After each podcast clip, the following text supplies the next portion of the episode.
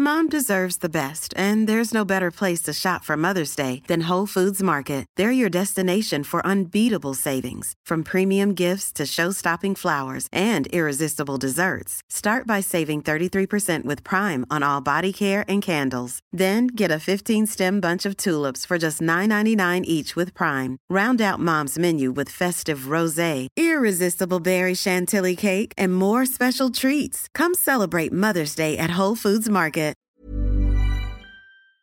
Hej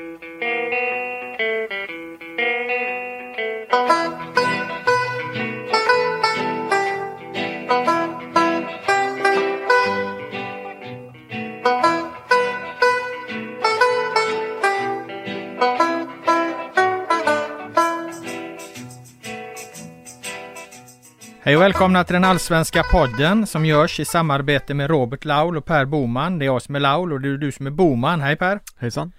Då var det dags att stänga vårsäsongen. Det har varit en ganska bra fotbollsvår. Spännande matcher, fina prestationer. Men det är klart, det börjar ju kännas att det har varit ett och ett halvt år utan publik i den här serien. Eh, per, när allting återstartar i juli igen, hur mycket publik tror och tycker du det kan vara rimligt att släppa in då? Oj, det är ju en svår fråga såklart att ge en, en, en tydlig siffra men det är klart att nu när vi, eh, min, min inställning har varit eh, när, när befolkningen är, är vaccinerad i hög utsträckning så finns det ju ingenting som stoppar, stoppar från att ha större publikmassor på arenorna. Hur många vet jag inte men det är väl rimligt att göra det procentuellt utifrån hur stora, hur stora arenorna är tänker jag. Eh, så att man eh, Ja, jag vet, jag, jag, kan inte säga exakt siffra men jag önskar väl att det är 5-10 tusen på läktarna i alla fall då från, från sensommaren och framåt kanske. Ja, myndigheterna har ju vad jag förstår delat in det här i, i tre nivåer då. Nivå 1 ska ju ticka igång från och med första juni här redan med, med 500 åskådare då. Ehm, och eh, nivå 2 eh, går igång vid 50% vaccinerade, färre än 300 på sjukhus och färre än 200 fall per 100 000 invånare. Ehm, de senaste två veckorna. Så att eh, vad jag förstår utifrån de siffrorna eh, och den får man min, eh, min liksom prognos får man ju ta med en nypa salt där. Eh, så det är inte omöjligt att man når till den här nivå 2 då eh, lagom till till juli. Eh, och den här nivå 2 då, eh, den innebär en ökning då från, från 500 åskådare till 3000 personer sittande utomhus. Och, och det är ju det som berör allsvensk fotboll då. Så att eh, det, är väl, det är väl någonstans rimligt eh, utifrån myndigheternas perspektiv att, att, titta, att, att kunna ha upp till 3000 personer sittande utomhus. Men det är väl klart att det går att, att, att initiera en debatt om, om det, det liksom den siffran ska vara huggen i sten så att säga. Man inte kan gå, gå över den på, på de väldigt stora arenorna till exempel. Eh, nivå 3 då Uh, innebär ju inget tak och då, då är det ju fullt pådrag igen liksom. Mm. Hur, hur, lång tid det tar innan man hinner dit det vet jag inte men det hänger väl precis som du säger ihop med, med, med vaccinationen då. Men, men hur man än vänder och vrider på det uh, här börjar man ju skönja ett ljus i tunneln mm. uh, och jag tror att det kommer bli jävligt häftigt den dagen Eh, publiken återvänder. Det kommer bli ganska massivt. Bara, bara när det har varit liksom de här logerna. Eh, man kan ha synpunkter på, på, på att de rör sig i gråzoner och så här. Men, men man bara tittar på det de, de här logerna bidrar med så här är det ju faktiskt lite grann. Man hör liksom lite embryon till ramsor och, och lite spontana reaktioner och sådär. Mm. Nej men absolut, det har ju, det har ju gett någonting definitivt. Och det, man får ju känsla, så det har ju varit ganska, det har ju inte varit åtta, det har varit åtta åskådare på läktarna, sen har det ju varit ett par hundra runt omkring ofta får man Ja i de här logerna ja, precis, jag då. ja, precis, så det har ju varit en del folk redan. Mm. Eh, och ah, det känns som att det blir allt fler nästan på, ja. i, i logerna ju, ju, ju, längre fram ju, säsongen har gått. Ja och eh, som sagt från och med eh, återstarten här, då har vi ju dessutom då får man tänka på hur opinionsläget är också för då kommer vi haft ett fotbolls-EM med publik vad jag mm. förstår. Mm. Eh, och, och, och, det är klart att, eh, att då, då kommer opinionsläget vara ett helt annat för att det, det måste vara rimligt eh, även liksom på, på inhemska matcher. Mm. Och ta in publik, eh, särskilt då om alla de här eh, rimliga kraven då uppfylls eh, som, som jag refererat till tidigare. så det hoppas vi på att det blir fotboll med publik från, från och med juli. Mm. Men där är vi inte ännu. vi ska ägna det här avsnittet åt att summera vårsäsongen. Eh, och var börjar man bäst med det? Eh, jo, eh, genom att eh, ge sig på senaste tidens händelser i Hammarby, för det svänger ju om Bayern igen. Eh, kanske inte på det sättet de vill dock. Eh, frågan är var man ska börja med, med alla turer i, kring Bayern här, men Sportbladet Eh, fick ju i veckan här uppgifter om att Stefan Billborn, tränaren, han får gå oavsett hur det går i, i cupfinalen mot Häcken som ju spelas på söndag. Eh, uppgiften har dementerats av sportchefen Jesper Jansson. Vi får väl se hur det blir med den saken. Men vad tycker du Boman? Ska Hammarby sparka Stefan Billborn? Nej men man får vara tydlig med att säga det som du sa att både Jesper Jansson och ordförande Yxkull har ju sagt och dementerat det här då så vi får, får se hur det blir som du sa. Eh, jag eh, har ju alltid varit en försvarare av Billborn, eh, länge varit det. Tycker att han har gjorde så pass mycket bra den första tiden i, i, i Hammarby där han verkligen överpresterade sett spelmaterial på ett, på ett strångt sätt. Eh, därför kände jag att han eh, fick ha ett sämre 2020, ett helt misslyckat 2020 sportsligt. Eh, det var det ju verkligen. Jag kände att det, det, det kan man ge honom att misslyckas grovt ett år för att han har eh, skapat sig ett sånt starkt förtroendekapital innan då. Men jag tyckte, så jag tyckte det var rimligt att han skulle få våren på sig helt enkelt. Eh, och den här våren eh, så tycker jag att det är väldigt få matcher där Hammarby har övertygat över 90 minuter. Det är få klockrena insatser där jag i alla fall har känt att att, eh, att det har känts på helt rätt väg. Eh, Eh, inte ens Sirius hemma då som ju var jättefint pressspel och allt så funkar jättebra i 60 minuter. Släpper man ändå in två stycken enkla mål då. Vi har Djurgården eh, hemma, en bra insats. Det är väl den som kanske är den bästa insatsen. Men, men den här nya heavy metal fotbollen med nya balanserade Bayern har ju liksom gett okej okay resultat. Eh, men fortsatt släpper man in väldigt mycket mål. Så jag, jag, jag kände väl att, eh, jag, jag tycker ju att, att Billborn har haft eh, en bra trupp, en, en, bra trupp. Eh, visst, den har varit en övervikt på offensiva spelare, men i grunden så har startelvan, eh, så är det en väldigt bra startelva och, och jag tycker inte att det känns klockrent än så länge, så jag tycker inte det jag tycker inte det är helt orimligt eller konstigt att, att, eh, att, att om man får gå, om man skulle få gå så tycker inte jag det är helt orimligt. Jag tycker att det, jag kan, jag kan verkligen förstå det just nu för att han fick trots allt ett halvår till på sig. Mm. Jag tycker det då inte att eh, Hammarby ska sparka Stefan Billborn. Eh, jag tycker eh, inte det är rimligt att göra det med 11 poängen då. Jag håller med dig egentligen i allt det du säger och, och, det finns en dimension här att han har varit ganska länge där och, och ju längre man är i en klubb desto, desto närmare blir det ju till att man lämnar den. Um, det, det, var rimligt med Andreas Alm till exempel att han fick gå, gå från Häcken. Han har varit där i, i fyra år nästan. Uh, de hade två poäng då på, på sex matcher. Här har vi ändå ett Hammarby som har skrapat ihop eh, uh, 11 poäng. De är sex poäng efter eh, Djurgården och, och Malmö. Eh, det, det, är klart att det är, är, är, problematiskt. Det är klart att de har underpresterat en del. De måste fråga sig varför de eh, underpresterat. Eh, men jag tror vi måste höja ribban när det, när det är rätt att sparka tränare om du förstår vad jag menar. Det mm. var rimligt i Andreas Alms fall. Två poäng på sex matcher hade de då. Eh, när han då inte sparkades förvisso men, men när, när de hittade den här, den här då sömlösa lösningen som vi berörde förra gången. Med att han, att han lämnar i alla fall.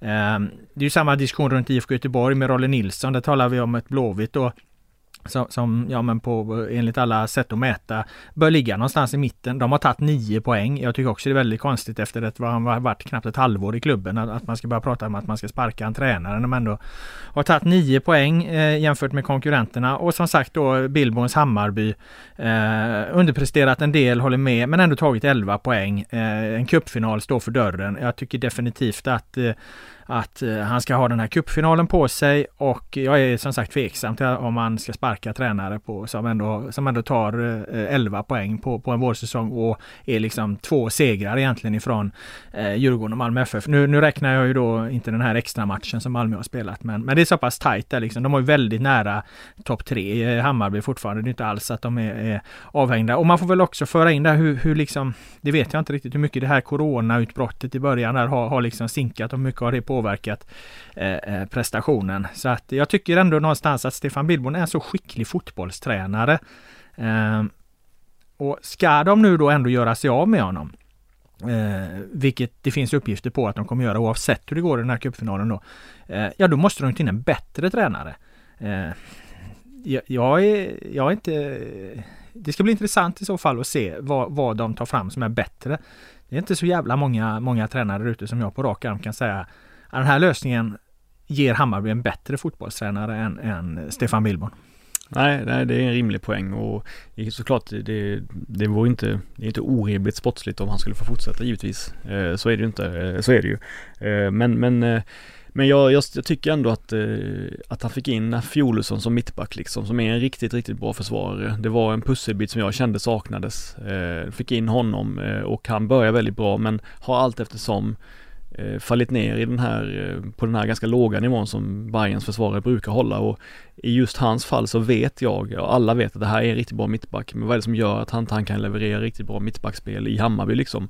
Och till slut så måste man ju tänka att det är någon typ av systemfel som gör att det blir så snarare än att det är de enskilda försvararna som är, som är dåliga eller sådär liksom. Så att, eh, så att just jag, jag, jag tycker trots allt att han fick in en en ganska, ganska bra nyförvärv sett till, sett till ja, eh, som, som jag tror skulle kunna, borde funka väldigt bra. Så att eh, mm. jag, eh, jag tycker inte det vore orimligt om Billborn fick, fick, fick jobba vidare men jag förstår också att det finns ett bra läge att byta. Mm, nej men försvarsspelet är ju intressant där. Vad är, vad är det? Och, och, de har ju liksom eh, satt det här nya balanserade Bayern då med en annan balans på mittfältet som ska skydda den här backlinjen eh, eh bättre. Fått in Fjolesson som du säger. Fjolesson som du säger. I grund och botten beror det väl liksom på att eh, som vi konstaterade redan innan säsongen började, att de har väldigt svaga ytterbackar defensivt. Det är mycket fokus på att de här ytterbackarna ska delta i offensiven. Eh, defensiven så, så, eh, ja men så finns det klart att det finns bättre, bra mycket bättre ytterbackar än eh, Jass och, och Sandberg som Hammarby ofta spelar med.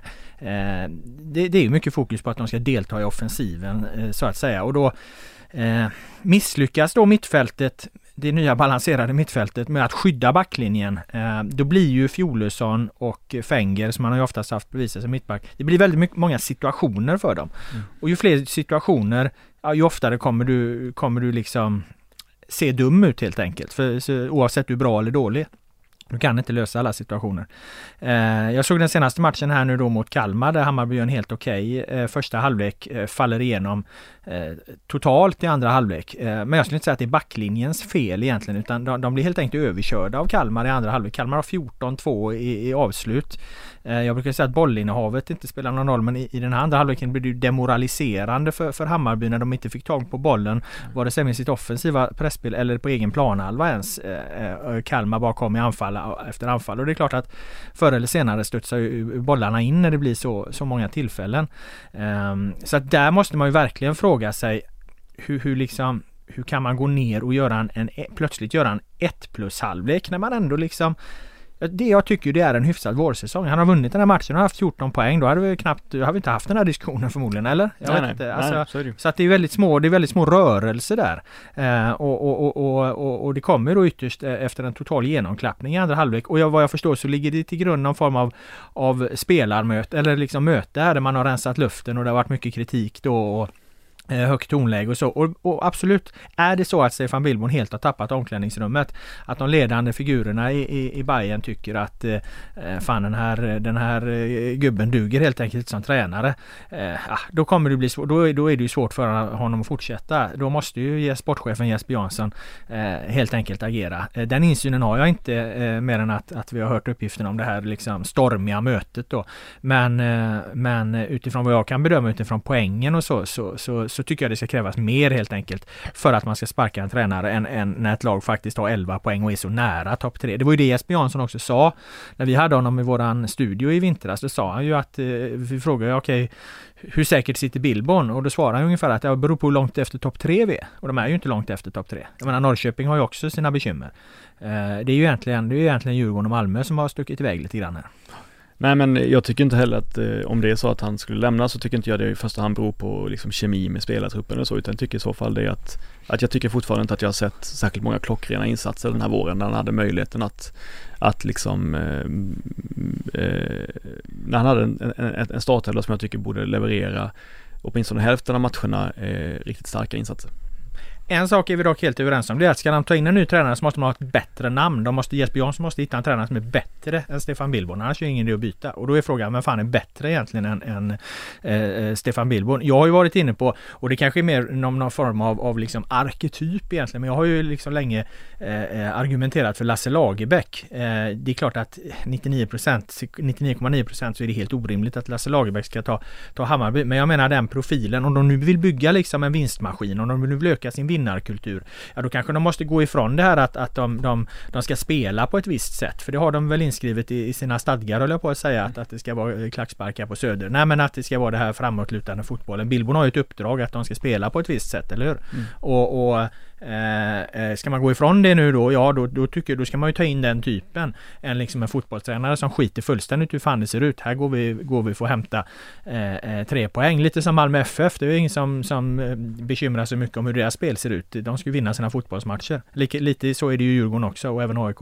Mm. Nej men absolut. Eh, nej men det är svårt på rak arm att säga vilka tränare som skulle vara bättre. Det vet man ju aldrig. Å andra sidan så var det Ibland kan ju överraskande namn var väldigt bra. Som det var ingen som var särskilt säker på att Billborn skulle göra det så bra 2018, men det gjorde han ju. Så att, så att eh, och jag menar, det, det är ju det. Det, det, det, det är inte alltid jag menar Billborn kan ju vara, kan ju vara en perfekt tränare för Hammarby i flera år och sen så, ja, som, som vi säger efter tre, fyra år så brukar det vara så allsvenskan att det är svårt att få samma effekt av sitt ledarskap på, på, på en spelartrupp. Liksom. Ja, sen så kommer det inte gå någon nöd på Stefan Billborn, den saken Nej. är klar. Jag menar, eh, eh ponera att Billborn får sparken här nu. Jag menar, han skulle väl vara perfekt i, i, i Häcken till exempel. Ja. Eh, drar jag bara ur hatten här nu. Det skulle väl vara, vara om han nu är sugen på att flytta till Göteborg.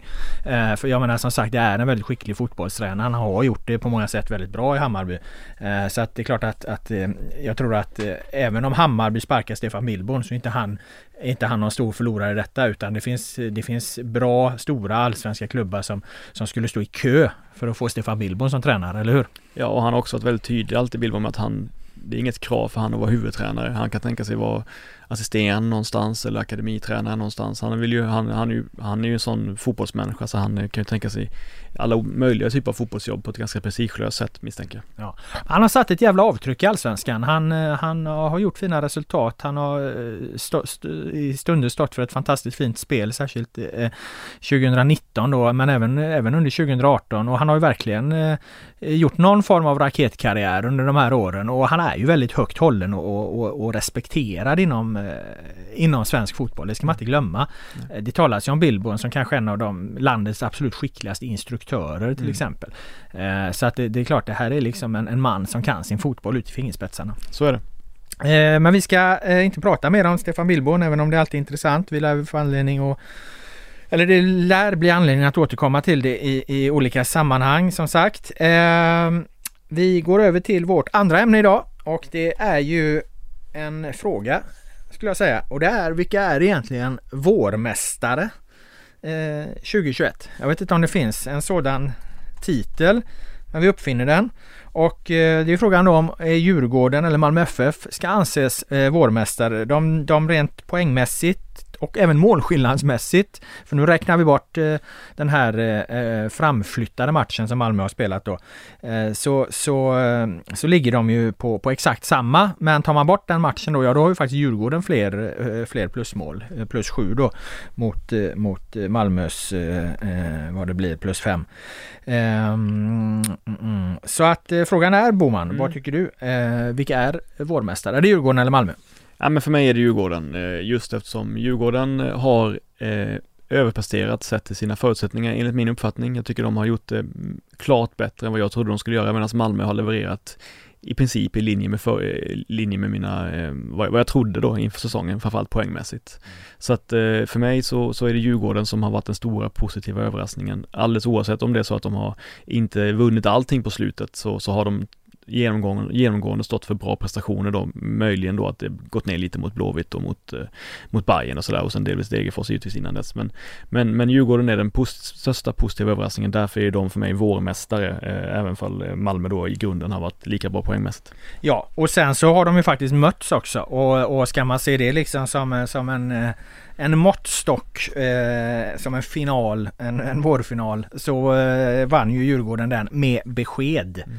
Ehm, de, de körde ju verkligen över Malmö FF på, på Tele2 på ett sätt som, eh, som fortfarande känns så att säga. Jag var ju lite inne på att, att det var, man hade en känsla av ett, ett maktskifte där och det, det byggde ju lite på att Djurgården har ju lite i skymundan byggt upp en otrolig ekonomi.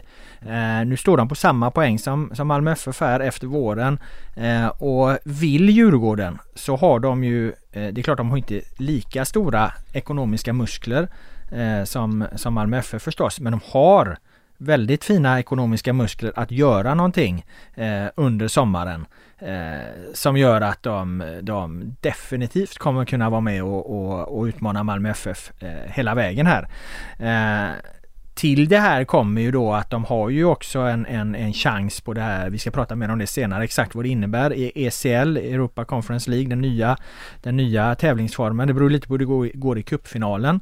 Men där kan ju Djurgården också, också få en, en, en, en plats då. Och den ger ju faktiskt rätt mycket pengar. Vi ska komma in på det i slutet av programmet exakt hur, hur mycket pengar. Så att Djurgårdens ställning i svensk fotboll är väldigt, väldigt stark. Eh, och, och det var det fanns i bakgrunden när, när eh, bakom min känsla växlar där om ett, ett maktskifte. Just nu syns ju inte detta maktskifte då i tabellen och det är möjligen att jag, jag spände bågen lite för hårt där men det får Får man ju göra ibland. Eh, men det är roligt, det har blivit lite snack mellan de här klubbarna nu också. Du var ju på eh, Örebro, eh, i Örebro, såg Örebro MFF i veckan. Eh, MFF vann med 2-1. Efteråt var de väldigt kaxiga Malmö. Eh, Ahmed Hodzic eh, snackade på bra där, tyckte att eh, det, ja, det var i Stockholm, där snackade de mest. Det, det, är liksom vi som, det är vi som visar och levererar på planen. Ja det är klart det blir alltid en motsättning att säga att andra snackar när man själv snackar givetvis. Eh, alltså inte mig emot, jag tycker Ahmed Ostić är rolig liksom och intressant att höra på och han är han är slagkraftig och han är liksom inte blyg efter matcherna och det, det, det tar jag gärna liksom så att det, Men det är klart att det blir speciellt att säga att några andra är kaxiga snackare som ju liksom eh, bara, bara är stora i munnen medan Malmö inte är då. Jag menar, för, för, mig, för mig så det jag gillar med Malmö är att de både snackar och levererar och att det alltid har varit så via många olika spelare som Pontus Jansson, Rosenberg, ja i princip alla deras starka namn har ju varit sådana som, som, som både levererar och snackar och det är ju verkligen Ahmedhodzic mm. också. AIK hade ju en period här där de eh, och Norling de arbetade väldigt hårt med att marknadsföra sig själva som den stora rivalen till eh, eh Malmö FF. Till den, som den stora utmanaren där. Det var ju framförallt 2018 här och, och Sebastian Larsson och liksom, eller den liksom rivaliteten som späddes på där. Eh, plus att det var de som, som utslaget över tid hade högst placeringarna också. Nu kan ju Djurgården, återigen lite, lite utifrån den här maktskiftesretoriken. Eh, nu kan ju Djurgården genom en bättre placering i AIK gå om eh, AIK i eh, fördelningstabellen. Alltså vilka som haft bäst resultat över en, över en femårsperiod. Vilket gör att de får x antal miljoner mer eh, än, än AIK från de centrala avtalen. Vilket ju ökar Djurgårdens ekonomi ytterligare. Eh, och så har vi nu då den här överkörningen som ju på någonstans, nå, någonstans liksom är, är överkörningen av Malmö FF på Tele2 någonstans är, är en, en klassiker i våran värld. Eh, är det på väg att byggas upp en, en eh, spänstig rivalitet mellan Djurgården och Malmö?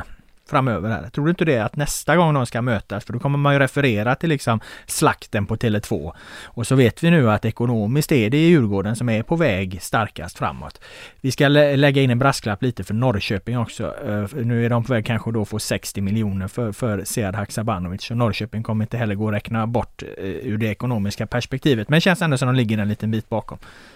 Ja, nej, men det är klart att det, att det kan bli en, en, en framtida, liksom, framtida riktigt tyngdviktsmöte så. Det som är lite grejen med Djurgården dock, det är att de, de har ju Bosse som är den stora karismatiska stjärnan på något sätt i den klubben. Det är han som är den eh, ordbråksmannen, det är han som eh, uttalar sig skarpt, det är han som är den som skapar rubriker. De har egentligen, de har sällan en spelartrupp som gör det, utan ofta en ganska hår, en eh, sam, eh, samlat ihop ett, liksom ett antal hårt arbetande rollspelare som är ganska lugna och ödmjuka och inte gärna eh, inte gärna tycker liksom alldeles för mycket sådär så att de, de har liksom inte riktigt det de har inte det svunget i sig som kanske Bayern hade under några år nu för två, tre år sedan, eh, eller ett, ett två år sedan. De har inte riktigt det som AIK hade under lång tid. De har inte det som Malmö hade, utan de har mer ett gäng fotbollsarbetare som, som är ganska disciplinerade i sina uttalanden och sådär. Så att jag ser inte framför mig särskilt mycket, särskilt mycket, du vet, eh, att det här, alltså jag tror det kommer vara ett riktigt tungt möte ekonomiskt och, och sportsligt, men kanske inte, vad ska vi kalla det, kulturellt. Eh, Kim Bergstrand kan man väl säga var på väg där ditåt ett tag men sen så, så brände ju han sig där så att nu, nu, nu ligger ju han eh, lägre då. Mm. Eh, men, men eh, eh, det är ju i grunden en person som man inte ska underskatta när det kommer till ordkrig. Nej, så är det ju. Så är det ju. Det var ju underhållande mellan han och Rössle under, under en period liksom och så och, och eh, kanske kommer tillbaka igen då att, att det blir mer Kim i pressen framöver och sådär. Lagerlöf är ju är intressant alltid att lyssna på och mm. kan vara ganska skarp också men är ändå lite mer av en eh, eh, lugn typ. Mm. Då utser vi i alla fall Djurgården till eh, vårmästare. Vi får se vilka som blir eh, säsongsmästare och vi får se hur liksom den framtida rivaliteten mellan Djurgården och eh, Malmö byggs vidare här.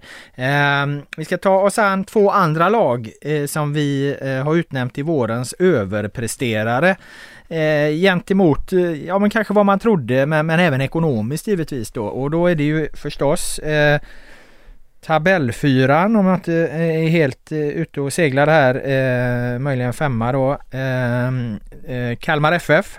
Och nykomlingen Degerfors som ju har eh, slagit sig in bland Big Eight-lagen. Mm. Eh, och där känner vi väl någonstans att hur man än mäter och tittar och tänker och tycker där någonstans så är det ju de här två lagen som har överpresterat mest eh, gentemot sina förutsättningar så här långt. Ja men definitivt, vi hade ju diskussioner om Kalmar tidigt liksom, att de, ja men att, att de på en nästan rekordsnabbt lyckades förvandla sitt spel till 100% nästan och det, det är en av de stora prestationerna tycker jag. Dels av Rydström men också av spelarna såklart. Det, det är inte enkelt att expandera sin fotbollshjärna på så kort tid om man förstår vad jag menar liksom att, att spelare som, som man var osäker på skulle kunna slå fyra bollar in mellan varandra helt plötsligt kan på, på det lugnaste sätt liksom rulla ut Hammarby liksom. Det, det, det, det är väldigt, väldigt imponerande. Men också då... Kan det vara så att Rydström har visat att det kanske är enklare än man tror att göra den förändringen ändå? För att jag menar det är ju inte Det är ju inte spelarna som man eh, Ja men om man skulle klassificera dem skulle man inte säga att det här är liksom ett, ett, ett gäng bolltrillare. Mm. Men Rydström har ju liksom gett dem eh, nycklarna, han har gett dem tillåtelse att misslyckas, eh, han har byggt upp deras mod. Um, att det kanske, det, det, det, det kanske handlar mer om instruktion, alltså att fotbollsspelare i grunden är så skickliga att de, de, de kan göra på ett annat sätt om de bara får chansen att göra det. För det är inte, han har inte, han har inte haft möjlighet att handplocka ett lag utan han har fått i mångt och mycket fått ta eh, med några, några få justeringar, fått ta gamla trupp, den gamla truppen helt enkelt som spelade på ett helt annat sätt och säga åt den och göra något annat. Nej men så är det ju och jag tror helt enkelt att han, är en väldigt skicklig instruktör och inspiratör på något sätt. Jag vet att han hade, att han, hans, hans fotbollsövningar går ut på att göra det jävligt mycket svårare i träning än vad det är på match. Mm. Alltså att den typen av spelövningar som liknar matcherna, som ska likna Kalmars matcher, är bara mycket, mycket svårare än vad det sen blir i matcherna. Att man, att man, att man gör det svårare för spelarna. Vilket sen då ska göra att matcherna känns mer bekväma sen. Mm. Eh, det låter ju kanske enkelt men jag tror inte det, det är nog svårt ändå att få till den typen av övningar som känns realistiska på det sättet och jag tror han är väldigt duktig på det. Att han har tänkt mycket på det, att han har utarbetat det under, under liksom många eh, timmar. Så att eh, jag tror att det är det som är hemligheten. Ja, eh, jag kan ju inte hjälpa att jag får en liten liksom flashback till Poya Asbagis Blåvitt där då 2019 som gjorde, gjorde en liknande vår eh, för att sen falla tillbaka ganska kraftigt eh, eh under hösten. Nu vart ju de brandskattade under sommaren där. De, de blev ju av med, med, med centrala spelare egentligen i alla lagdelar. Eh, och det är klart att, att det, ja det förstörde en hel del av Blåvitts fina vår där 2019. För sen, sen ramlade de ju tillbaka och var klart sämre under, under hösten och slutade i mitten någonstans. Vilket, vilket var godkänt förstås. Men, men jag får lite känslan att, att det eller jag är lite orolig om man då ska, ska sätta sig in i Kalmars situation för att det kan bli något liknande i, i Kalmar. Det, det känns som att det finns en viss procent av, vad ska man kalla det, entusiasm här eh, som, som skapar en energi som Kalmar rider på. Förr eller senare tar den energin slut eller den blir mindre. Eh, men vi började ju den här eh, inför den här säsongen med att säga att det är ett av de lag som skulle bli absolut mest intressant att följa eh, 2021 det är just Kalmar. Eh, och den här starten har ju gjort det ännu mer intressant att följa dem. håller de i Håller de i det här med, med liksom en, en topp 8 placering eh, då, då, då, då får man ju verkligen fråga sig vad vad han har lyckats med där, eh, Rydström. Eh, gör, de, gör de inte det, ja då, då blir det intressant att diskutera det också. Nej men så är det ju och jag, men jag har, har trots allt som vi har sagt tidigare på podden, jag har mycket, jag har helt andra förväntningar på Blåvitt än vad jag har på Kalmar. Jag, jag, I Kalmars fall, att lyckas förändra sitt grundspel, att stabilisera sig i allsvenskan på ett, på ett, på ett rimligt sätt, att, att dessutom inspirera på det sätt som de gör, det räcker för mig för Kalmar, men alltså det kanske inte alltid räcker i Blåvitt. Nej, så är det. Eh, ett annat lag då som har överpresterat, ja egentligen har ju Degerfors då överpresterat ännu mer eh, med tanke på att det här är en nykomling som kommer upp med en omsättning på 18 miljoner. Sen vet vi att eh, nykomlingarna får väldigt mycket pang för pengarna när, när de kommer upp eftersom de har inte dragit på sig så stora fasta kostnader. Så första året Första året är ganska bra. Man talar om det svåra andra året. Det, det är liksom när, när det här börjar rätta till sig. och man inser att det, det, det, det är en jävla massa kostnader i Allsvenskan också också. Men första året eh, då, då brukar de kunna omsätta de ökade tv-pengarna i sportslig kvalitet. Eh, vi har sett det flera gånger. Eh, Degerfors har ju efter en svag start eh, hittat eh, något som är, är, är också är intressant och som också liksom är lite lite åt Kalmarhållet helt enkelt. Det här är ju liksom inget eh, om man tittar på Halmstad då så är det ett lag som krigar för poängen varje match genom fokus på försvarsspelet. Degerfors är ju ändå ett offensivt eh, eh, eh pikt lag som möjligen började lite mer naivt men nu har hittat en, en bättre balans i, i vad de gör och då får de också mer utrymme för den här eh, anfallskraften som finns eh, i laget. Mm. Nej men absolut och det, det, det, tycker jag är viktigt är att, att de, att de utan att, eh, ska vi säga, utan att göra för mycket avkall på sin ursprungliga spelidé har de lyckats anpassa den till allsvenskan och det, det är inte lätt att göra det. Det är lätt att man faller igenom helt då när man, om man känner att fan det, det här funkar inte. Men eh, imponerande sättet de, de har lyckats, eh, lyckats anpassa sig till allsvenskan sen efter ett antal käftsmällar. Ja, så är det ju och det är ju det som är skillnaden. Eh, nykomlingarna sprattlar ju ofta i början, eh, är ju ett uttryck som vi använder. Vilket innebär att de vinner de första matcherna när, när lagen inte riktigt har kommit igång. Degerfors gjorde lite tvärtom. De hade ett par dåliga prestationer här. Vi lyfte ju till och med frågan ifall de hade bluffat sig genom superettan. Eh, och sen så studsade de rätt och eh, därav blir också deras fortsättning jäkligt intressant och, eh, och spännande att följa eh, helt enkelt. Mm, verkligen. Från överpresterare då till underpresterare eller fiaskolag eh, som man kan kalla dem också. Där har vi också utsett två stycken och det är eh, Örebro och det är Häcken. Om du får sortera dem inbördes, vilka, vilka är den största besvikelsen eh, för dig? Är det Örebro eller Häcken? Jag kan inte säga något annat än Häcken, givetvis. Det... Fastän de vann nu senast och ändå eh, trots allt nu då tagit sex poäng. Ja, nej men det är absolut, det, det måste vara Häcken. Det, det, det, är svårt med Häcken, det är svårt att liksom peka ut exakt varför det har blivit gått som det har gått. Mer än att de då i alldeles för många matcher eh, förlorat med uddamålet liksom. Det, det, det, det, de, de har ju i grunden stått för en hel del bra prestationer men i år var året de skulle leverera en, en, en, en riktig, som, som riktiga guldutmanare. Eh, den pressen klarar de inte av helt enkelt. De klarar inte av den omställningen. Eh, och det, mycket av det faller ju på Alm. Eh, givetvis, men också på de rutinerade spelare som eh, eh, Lindgren och Toivio och, och Friberg och, och, så vidare. Eh, så att jag, jag eh, även för Friberg varit en del skadad. Så, så eh, jag måste säga Häcken trots allt. Även om jag är besviken på Örebro så är ju Häcken givetvis det stora, stora fiaskolaget. Ja men så är det och jag tror att i Häckens fall eh, handlar det eh, en hel del om eh, eh jag, jag, jag, känner att de har inte varit riktigt flexibla för att hantera eh, den här situationen som ja, men som totalt har uppstått eh, eh, för dem. För att ja, det är sant att de kanske de var ett av de, lagen som hade allra störst eh, problem under försäsongen eh, med skador och så här. De fick den eh, förstörd. De har sedan haft skador under eh, säsongen på väldigt viktiga spelare. men även om de problemen har varit störst i Häcken, även om de då har haft liksom mest oflyt med det här eller vad, vad, vad, vi ska kalla de här tillfälligheterna emot sig då. Så är det ju massa andra lag som också haft massa skadeproblem och bekymmer. Jag menar IFK Göteborg har haft mängder av skador. Hammarby som vi nämnde tidigare eh, eh, fick ju det här coronautbrottet. Alla lag har ju sina, sina bekymmer, de kommer lite olika men det är inte bara Häcken som liksom har haft otur med skador eller har haft mycket skador. Och då, då, då upplever jag att de har inte kunnat anpassa sig till den, den verkligheten. De går in i en säsong med, med, med på ett dåligt sätt. Eh, de gör det eh, sen när matcherna börjar även med, med skadade spelare. Eh, de har fått ett, ett favorittryck på sig som är, är berättigat ur något slags helhets... eller ett favorittryck men ett, ett tryck om att prestera för en gångs skull.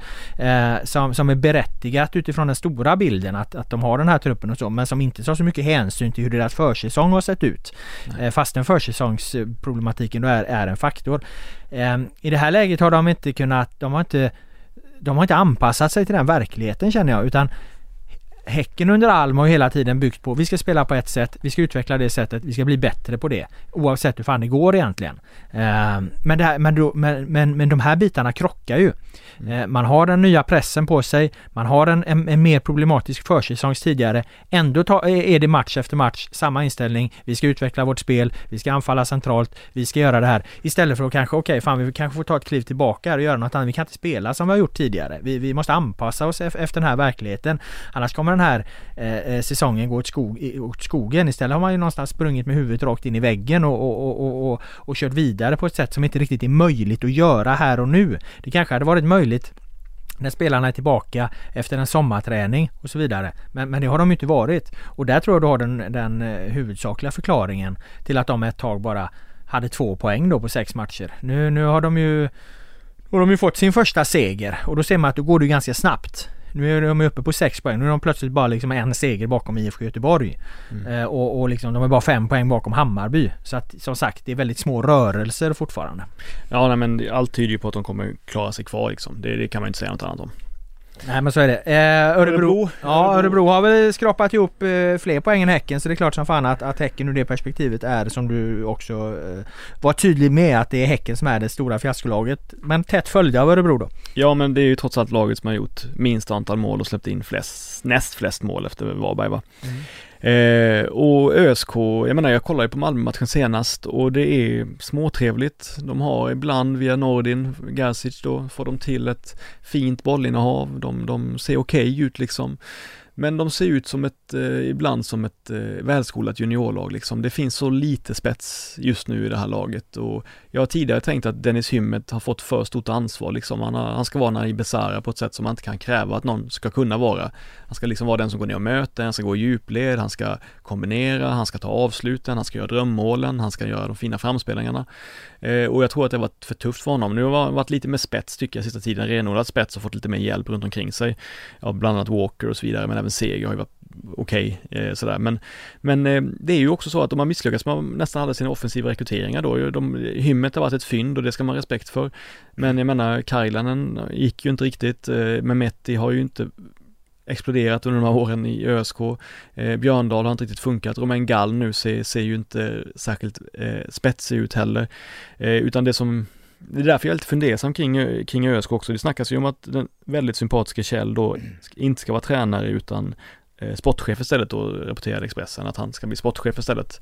Eh, och jag vet inte för han har varit så jäkla mycket bättre som sportchef än som, än som, som tränare men jag vet inte, det är ju, det är ju ganska knappa förutsättningar också.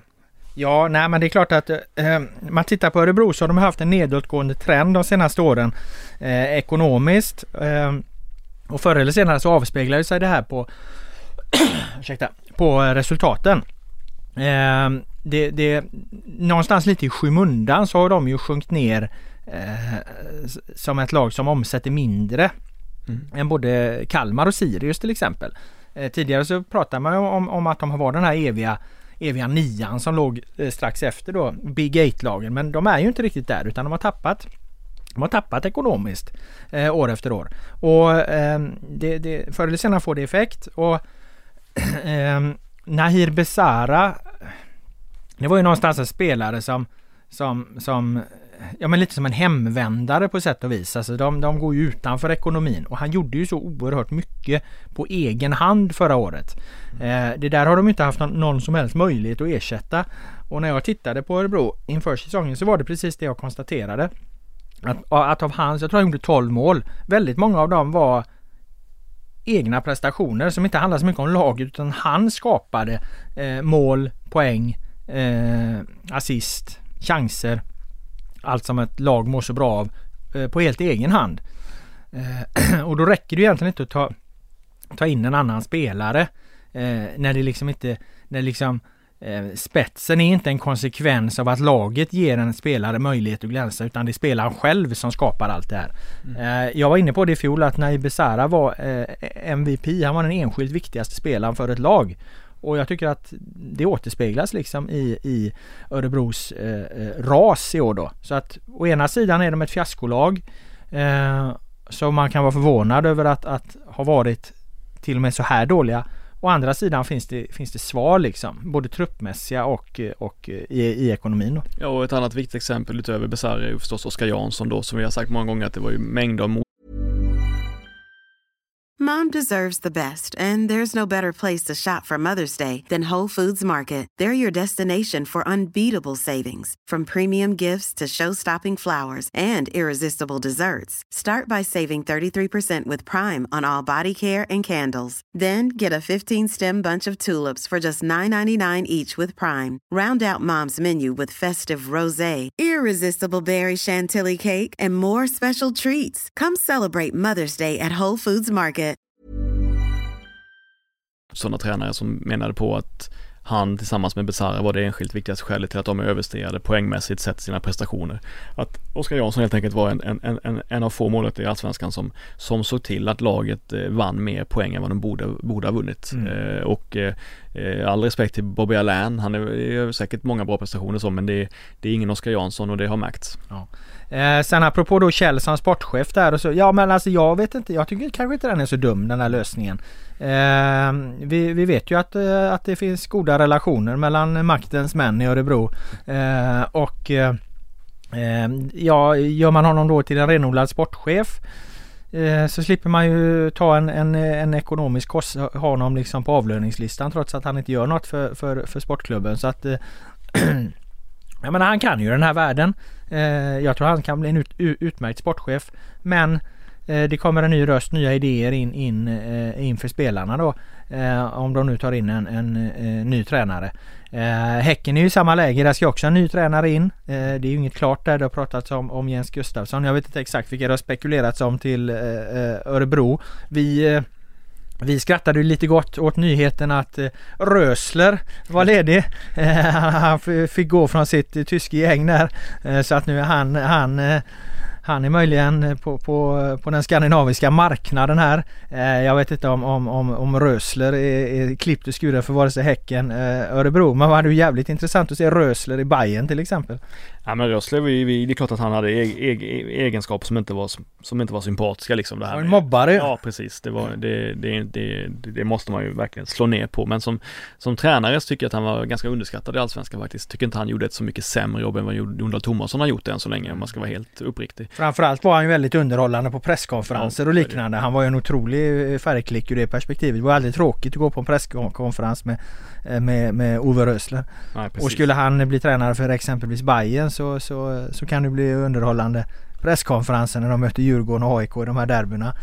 Eh, Rösler vs Kim Bergstrand där efter ett eh, avgjorts eh, på ett tveksamt offside-mål åt något håll. det, det, det, det, då får jag flytta tillbaka till Stockholm igen. Ja nej men det blir så skarpt så man vågar inte ens titta på det. Man får vända bort blicken för att det är så, för att det är så starka ljuskällor samtidigt liksom. Eh, vi lämnar Örebro, Häcken och Rösler därmed. Eh, vi, har, eh, vi har lite floppar och, eh, och sensationer att titta på även på spelarsidan eh, nu när vi sammanfattar våren. Ehm, och om vi börjar med, vad ska vi börja med? Vi börjar med vårens floppspelare. Eh, vilka spelare, du får nämna två, eh, i alla fall en, eh, är du mest besviken på den här våren? Ja men börjar du, börjar du så jag börjar så får du lite. fundera lite. Mm, ja, mm. Eh, för att jag har ju både skrivit och, och, och, talat mycket om det här och jag, jag tycker någonstans att man får, man får se det här utifrån två perspektiv. Eh, ett, vilka förväntningar fanns? Eh, två, vad är det för ekonomi inblandat? Och när vi talar ekonomi, då tycker jag inte att Astrid Selmani har levererat den här våren gentemot vad eh, vad eh, Hammarby betalade. Eh, det var deras största affär någonsin. Eh, det var uppåt 10 miljoner kronor. Han har gjort ett mål, i och för sig eh, ett par assist och, och hyfsade, eh, hyfsade eh, insatser i vissa delar. Men jag tycker jag reagerar gång på gång och nu, nu, nu tänkte jag verkligen på det att han är väldigt svag med boll, rättvänd. Eh, det är han ovanligt svag för att vara, vara en spelare som, som man har hystat ut eh, 10 miljoner på. Han måste verkligen han måste verkligen, till skillnad från Besara då, som vi nämnde, pratade om där tidigare, som kan skapa ur ingenting. Så, så, så är ju Selmani en spelare som är väldigt beroende av att han blir serverad. Eh, inte bara att han blir serverad till mål men att han annars blir serverad i lägen där han i sin tur med sina egenskaper då kan, kan sätta upp för andra. Men titta på, på Selmani med boll rättvänd ett par meter utanför straffområdet. Där, där, det, där händer inte mycket. Det är inte mycket klipp i steget han, han, han har i, i den delen av spelet då. Eh, men alldeles oavsett, har man lagt 10 miljoner så, så förväntar man sig mer, eller jag förväntade mig mer. Eh, det är klart att Djurgården betalade mycket för Joel Asoro men han har ju inte spelat så mycket, han har varit skadad och så här och han är yngre. Eh, det finns liksom en affär att göra där framöver för Djurgården och de kan få tillbaka ganska mycket pengar. Jag har svårt att se om inte Selmani verkligen exploderar här eh, till hösten eller under nästa år hur Hammarby ska få tillbaka de här pengarna som ju var en diskussion då när de köpte honom att man pratade om att de skulle få tillbaka dem genom att, sälja honom dyrare och så här. Jag vet inte, just nu är det väl bara Saudiarabien eh, någon klubb där som skulle, som skulle ge pengarna tillbaka på Selmani. Eh, så att jag säger Selmani och så säger jag då Hamsik. Det har jag pratat om väldigt mycket. Jag tycker gentemot de förväntningarna som fanns hur mycket en enskild spelare kan bidra med ett allsvenskt lag. Det är, det är där jag tycker att han blir eh, eh, vårens eh, flopp. Jag säger inte att han har varit dålig men jag, jag, tycker att jag tycker att diskussionen på sätt och vis blev okunnig i våras när man eh, när man när man skrev upp honom hans möjligheter en enskild spelares möjligheter att lyfta ett lag så väldigt mycket. Eh, eh för, för, det var ju vad många tycktes tro att han skulle göra.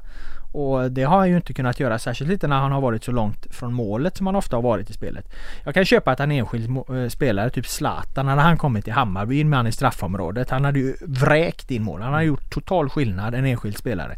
Men Marek Hamsik är inte liksom i den, den eh, delen av sin karriär och han hade heller inte och ville väl inte ha den rollen i IFK Göteborg heller eftersom det här handlade om att förbereda, förbereda sig för sitt EM och då skulle han vara en, en lite eh, i planen då lägre placerad mittfältare. Sen han han har i, i, perioder och i sekvenser visat en enormt hög nivå. Det råder ingen tvekan om det.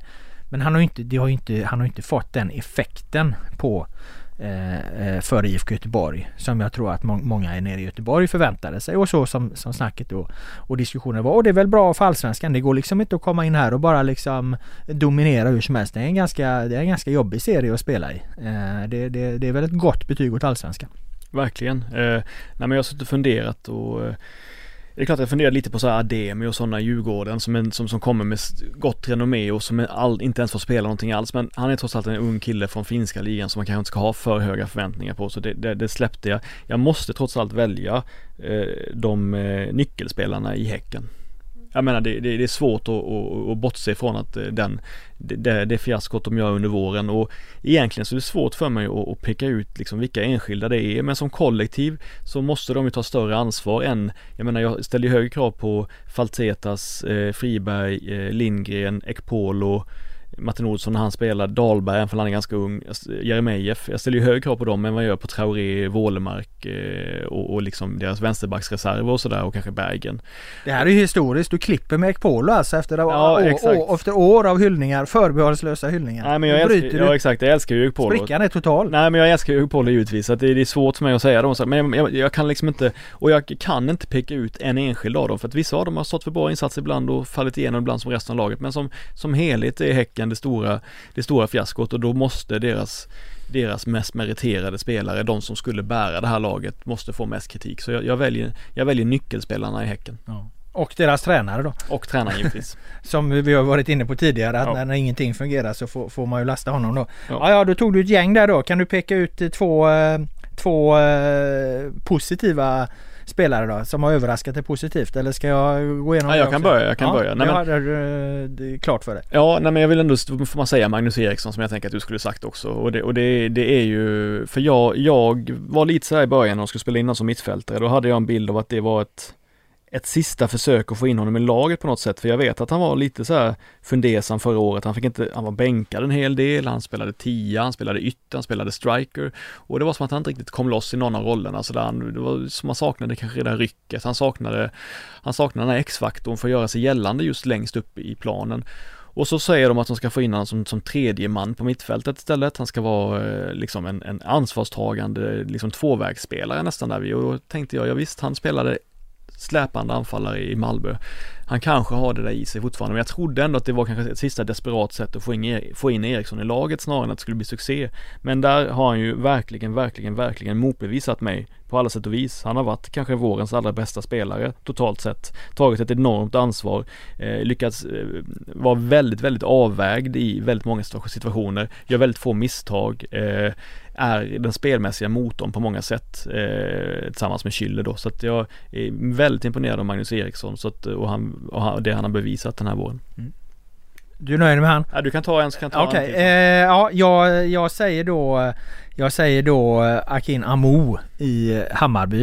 Eh, det är klart att han under, under eh, försäsongen där i några cupenmatcher visade att, att här är något här är något på gång. Men eh, sånt där har man ju varit med om tidigare att, att, eh, att någon har dansat en försäsong. Men han har ju verkligen eh, varit en, en, en urkraft liksom i, i, i, i Hammarby rent individuellt då. Även om Hammarby liksom som lag som vi varit inne på inte har har gått som tåget så har ju Amo, man får tänka på att Amo är 18 år alltså. Han gör otroliga saker. Han gör saker som ingen annan, mm. som andra spelare inte kommer göra under hela sin karriär. Det gör han som 18-åring.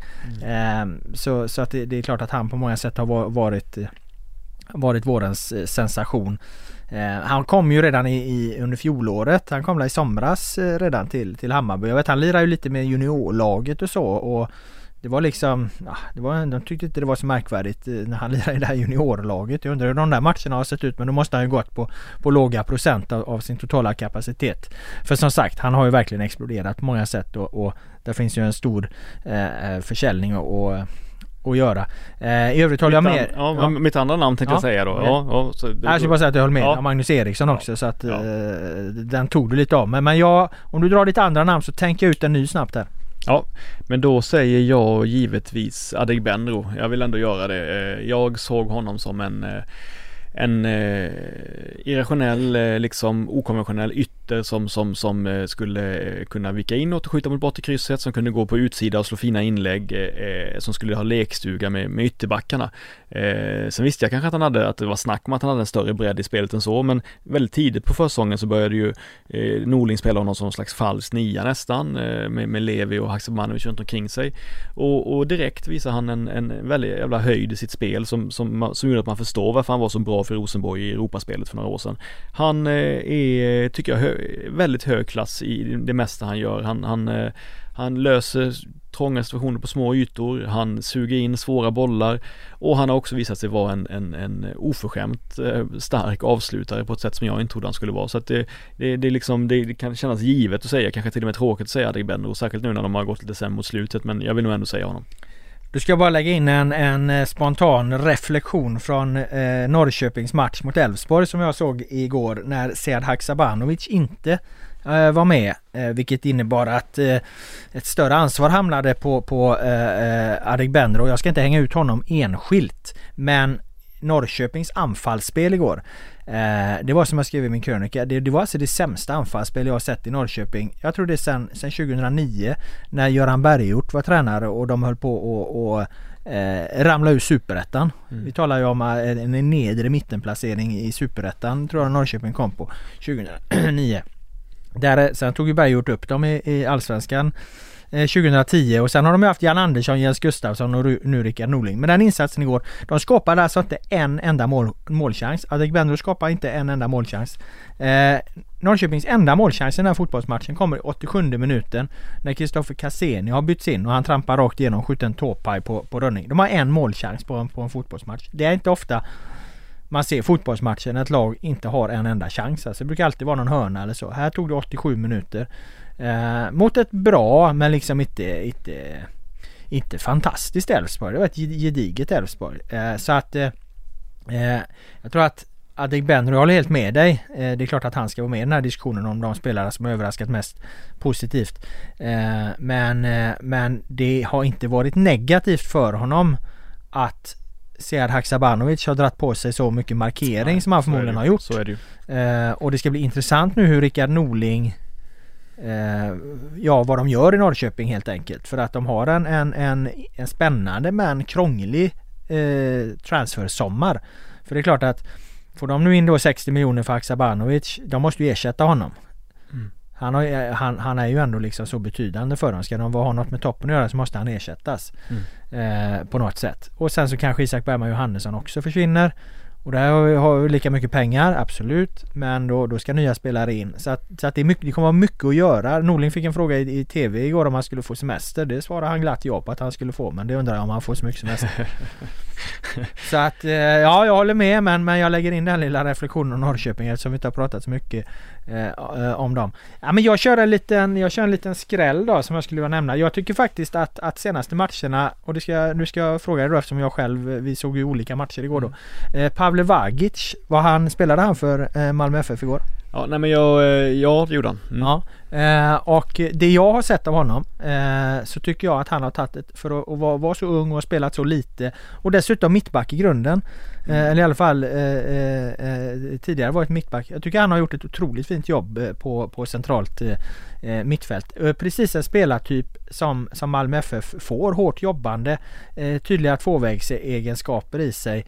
Eh, det ska bli jäkligt intressant att följa hans, hans eh, framfart i, i Malmö FF. Jag hoppas att, att Jon Dahl Tomasson fortsätter att satsa på honom för det tycker jag definitivt att han är värd.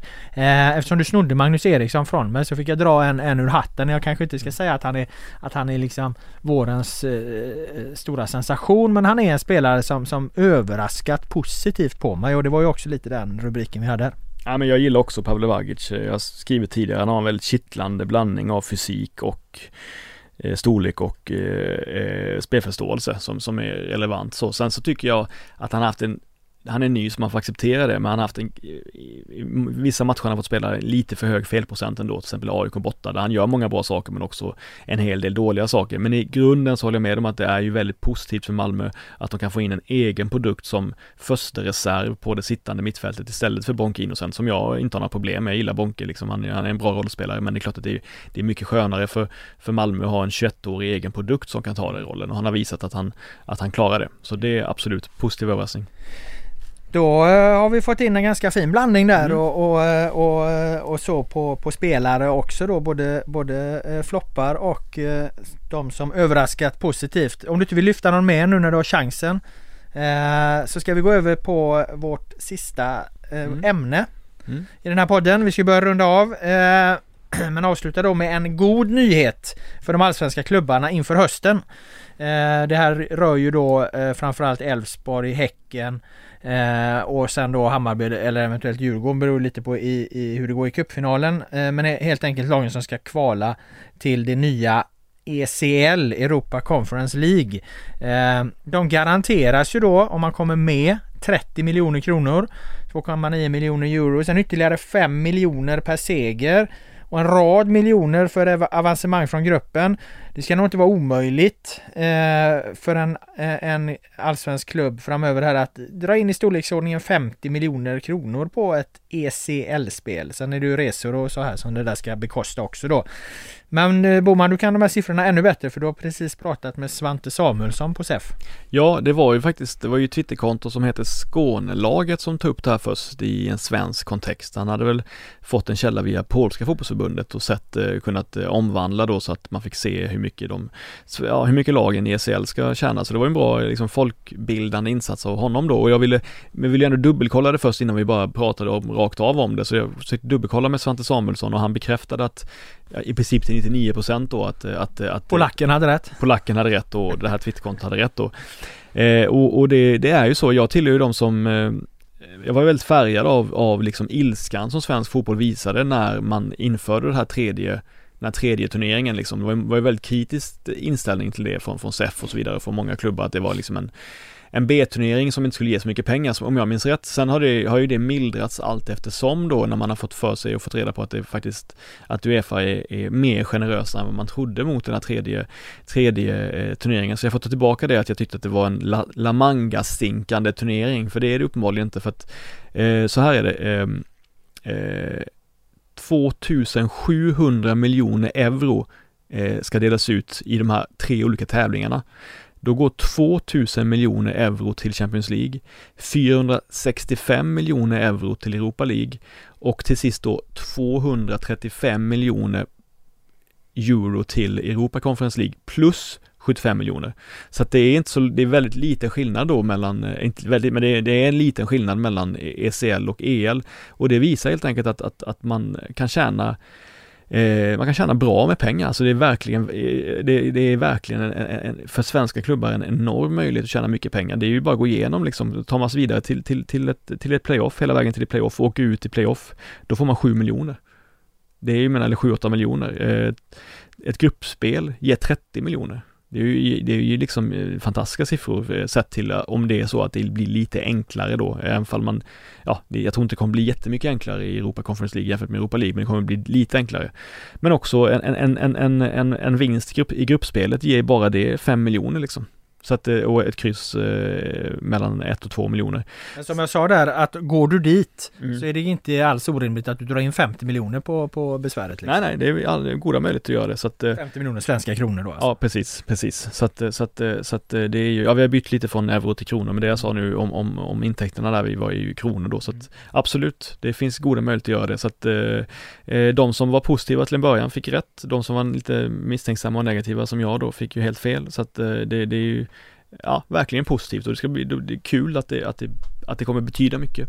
Vi har väl kanske varit lite nyttiga idioter här då där vi har köpt eh, retoriken mm. från makthavare, svenska makthavarna eh, helt eh, okritiskt egentligen när vi har talat om, eh, eh, vilket jag ju även också har gjort. Jag har mm. sagt att man får liksom flygbiljetten tillbaka på sin höjd. eh, men men medan det här då kanske har varit någon form av förhandlingstaktik mm. som har pågått. och det, då är det klart att då, då då vill man ju sprida en bild av att det är lågt då, man vill ha mer. Eh, å andra sidan så tror jag inte att den här poddens eh, genomslag på i, i de styrelserummen är så stort så att eh, det är väl ingen större skada skedd. Även om vi kanske givetvis borde gjort vår läxa noggrannare då innan vi sa att det inte finns några, några pengar alls och, och, och hämta där. Eh, nu visar det sig att det finns det då som sagt så att det blir ju en jäkla morot för ja men eh, i närtid då för de lag jag nämnde här Elfsborg och, och och Häcken och så Hammarby och Djurgården. Eh, en fråga där. Malmö FF som vann Allsvenskan 2020 och ska kvala till Champions League. Eh, om de missar Champions League eh, har de då chans att gå till Europa League och missar de Europa League så de går, och kanske går till ECL då, Europa Conference League också eller Det hur? stämmer. De har stämmer. tre, mm. alltså vinner du serien då har du tre möjligheter mm. helt enkelt. Så Malmö har ju oerhört goda möjligheter att få och få eh, pengar liksom på något sätt. Så Maktskiftet är uppskjutet. Ja det kan man säga. Nej men Malmö har ju satt sig i en väldigt bra position där givetvis. De andra hamnar ju direkt i ECL de andra. Eh, det är bara Malmö som, som har möjligheten med två stycken sådana fall, fallskärmar om man, om man kan säga så. Så att eh, nej men där har ju Malmö, Malmö verkligen eh, satt sig i en, i, en, i en underbart god position för, för deras del. Eh, sen är det intressant, det är ju lite and, för andra förändringar. Det är ju att eh, till exempel så, så är det ju ehm, eh, den här koefficienten har gått från, det har ju varit fem år tidigare det ska vara på tio år nu.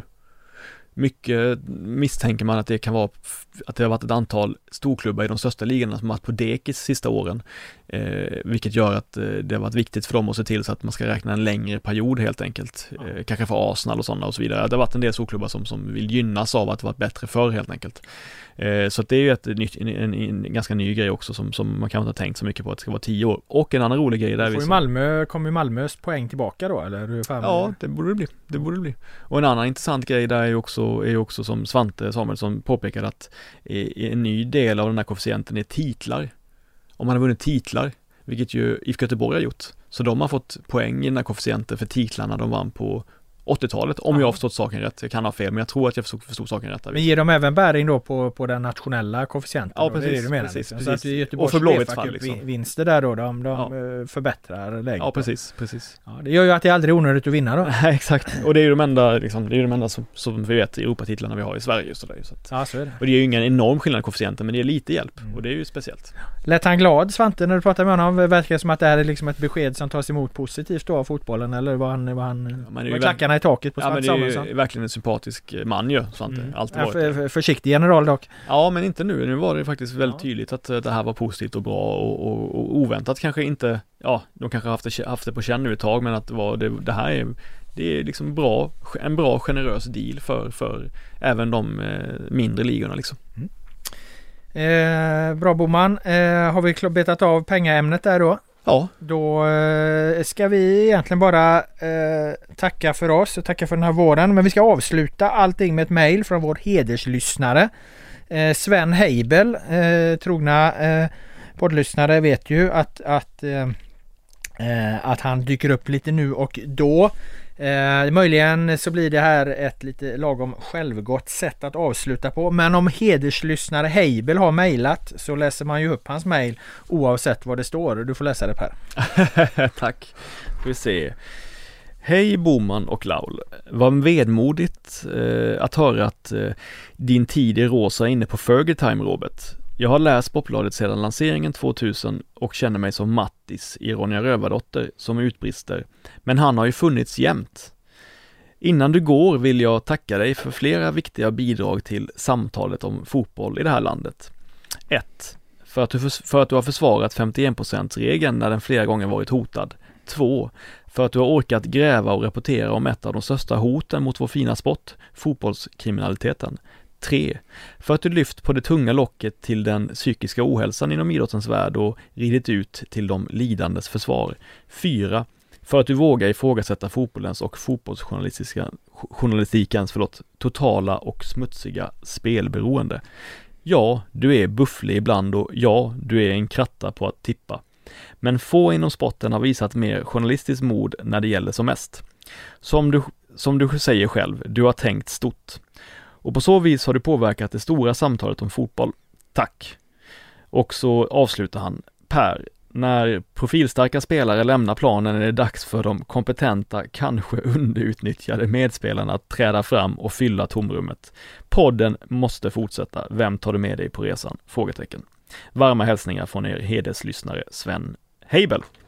Ja du Boman, vem tar du med dig på resan? Har du något svar till lyssnarna på det eller så får de sväva i ovisshet över eh, sommaren här vad som händer? Ja men det är väl det senare, det är det senare. Vi får, vi får se vad som händer helt enkelt. Jag, jag, jag har inte riktigt smält där att du ska sluta än och, och, och eh, jag menar det, det, det, det, det tycker jag var väldigt tycker det är väldigt tråkigt för jag har varit en väldigt god kollega, det snackade vi om förra veckan så jag ska, Mm. inte, ska inte prata för mycket om det den här gången men, men, men jag, nej jag, jag har inget klart besked på den, på den frågan men Jag jag kommenterar inget förrän det är klart. Nej precis, precis. Men, men, men jag tycker att det har varit kul eh, de här åren i alla fall. Eh, så får vi se vad som, vad som händer framöver. Och jag tycker också, får man ju säga då, att Sven har har rätt i det han skriver, även fall det kan vara navelskådande och kanske självgott så, så tycker jag att han har rätt i det han skriver och jag tycker han sammanfattar det på ett bra sätt och eh, ja, fint skrivet. Ja, nej men det har varit fantastiska år. Det har varit fantastiskt att göra den här podden med dig Boman. Jag kan inte säga eh, något annat. Eh, och ja, absolut eh, lite självgott att, att läsa upp det. Men som sagt, eh, mejlar hederslyssnare så får man ju läsa upp det. Ja. det. Det går ju inte att, sortera bland det där. Nej. Så det var väl bra. Eh, om du tar något mer då Boman, då tackar jag dig för dina eh, kloka åsikter och synpunkter. Jag tackar eh, alla er som har lyssnat. Eh, nu blir det The Village Stompers med Washington Square. Square.